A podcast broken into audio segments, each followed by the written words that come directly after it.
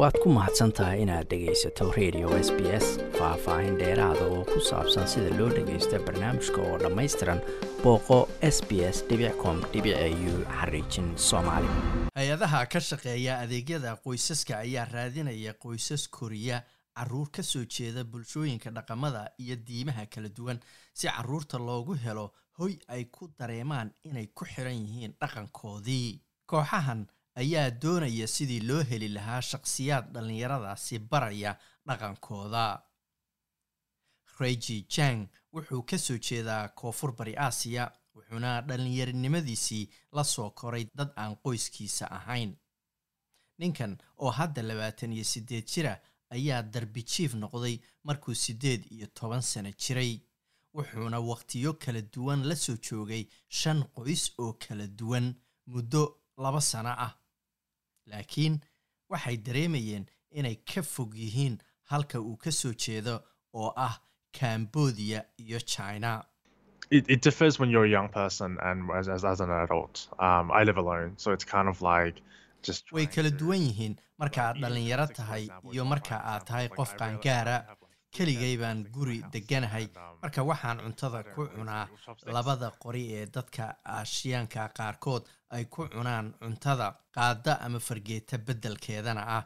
Saddex kala duwan oo qoryahaas wax lagu cunaa ayaa gurigayga yaalla mar kastana qoryaha wax kuma cuno ayuu yidhi. Wuxuu la noolaa qoys maleeshiyaana oo ay isku dhaqan yihiin. You know, I think there's a lot of young people out there who do enter foster sidaad og tahay waxaa and jira dad badan oo ay uh, korinayaan dad aysan isku dhaqan Um, ahayn.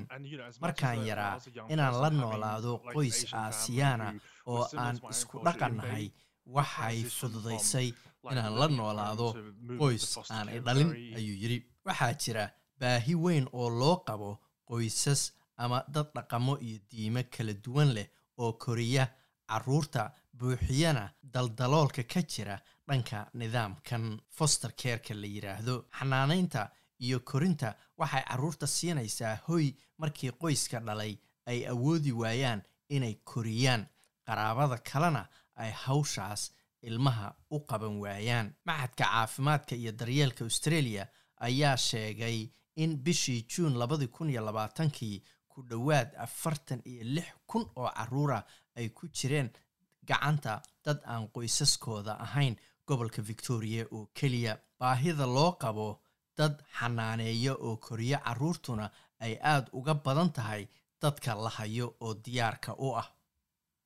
Dadka doonaya inay caruurtaas xanaaneeyaan oo koriyaan waxaa loo gudbiyaa hay'ado sida ururka bulshada ee la yidhaahdo settlement services international.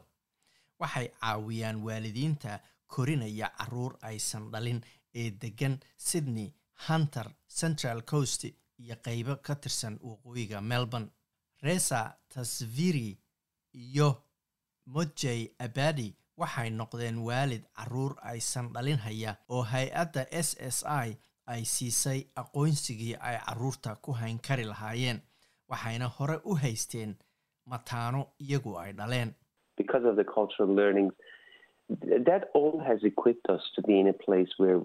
sababtoo ah aqoonta dhaqanku wuxuuna baray sida aad u dhaqmi lahayd markaad daruufo kala duwan uh, nala soo gudboonaadaan taasina kama duwana marka carruurta la culture xanaanaynayo dhaqanku door weyn ayuu ku leeyahay. ma aha wax meesha laga saari karo waa inaan sidaas u ogaano. Lamaanahan oo iiraan ku dhashay ayaa australia ku noolaa shan iyo toban sano waxayna dhowaan gurigooda ku soo dhoweynayaan ilmo aysan dhalin oo ay xanaanaynayaan korinayaanna bilowgii ma aysan hubin inay ku habboon yihiin inay ilmo koriyaan. Mojey abadise waxay qof kasta oo doonaya ama ka fakaraya inuu ilmaha koriyo ku dhiirigelinaysaa inay su'aalo badan isweydiiyaan like the society like the community. Hadda waxaan ognahay in bulshada iyo qoyska carruurta korinaya looga baahan yahay inay yihiin kuwo dhaqanka ama diintooda haysta. Deb sirbaharuus waa madaxa xarunta excellency in child and family welfare.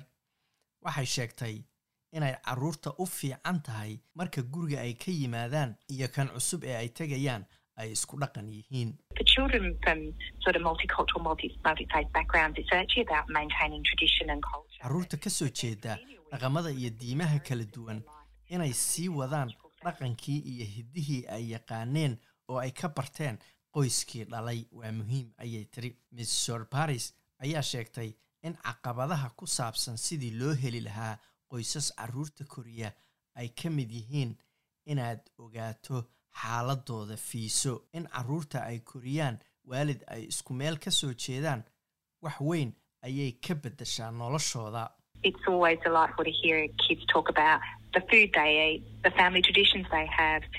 Mar walba waa wax lagu farxo. Markaad maqasho carruurta oo ka hadlaysa cuntada ay soo cuneen dhaqanka qoyskooda. Marka ay suurowdo inay dhaqankaas sii wadaanna waa wax fiican. Mararka qaarkood xanaanaynta iyo korinta carruurtu waa mid ku meel gaar ah laakiin carruurta qaarkood sida regi jang weligood dambe kuma noqon qoyskii dhalay. Um